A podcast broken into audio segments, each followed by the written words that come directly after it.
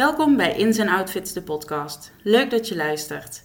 Ik ben Lisa Hendricks, modeontwerpster uit Breda. En de komende periode zal ik in gesprek gaan met mensen die in de mode werken of niet, om het te hebben over kleding en winkelgedrag.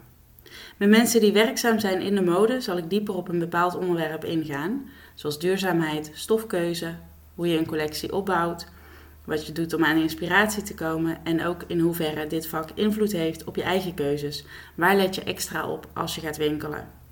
Bij de andere gesprekken zal het met name gaan over persoonlijke voorkeuren. Waar kijk je naar als je gaat winkelen? Hoe vaak doe je dat? Ga je liever online of fysiek winkelen? Hou je rekening met duurzaamheid en zo ja, hoe? In mijn optiek hoort mode vooral heel erg leuk te zijn. En is het vooral belangrijk dat je kijkt naar waar je jezelf prettig in voelt. Ik ben dit vak ingegaan omdat ik mooie dingen wil maken waar mensen zich lekker in voelen en wat leuk is. Als klein meisje maakte ik al tekeningetjes van poppetjes met een outfit voor overdag en voor een feestje, maakte tassen van oude broeken en kleertjes voor knuffels en poppen. Ik kan me niet anders herinneren dan dat ik hiermee bezig was. Voor mij draagt een outfit ook echt bij aan een positief zelfbeeld en hoe ik me die dag voel. Het is voor mij erg belangrijk om hier tijd en aandacht aan te geven en dan nog kan het zijn dat ik ochtends iets aandoe en in de loop van de dag denk: il, ik had een andere keuze moeten maken. Maar dat hoort er ook gewoon bij.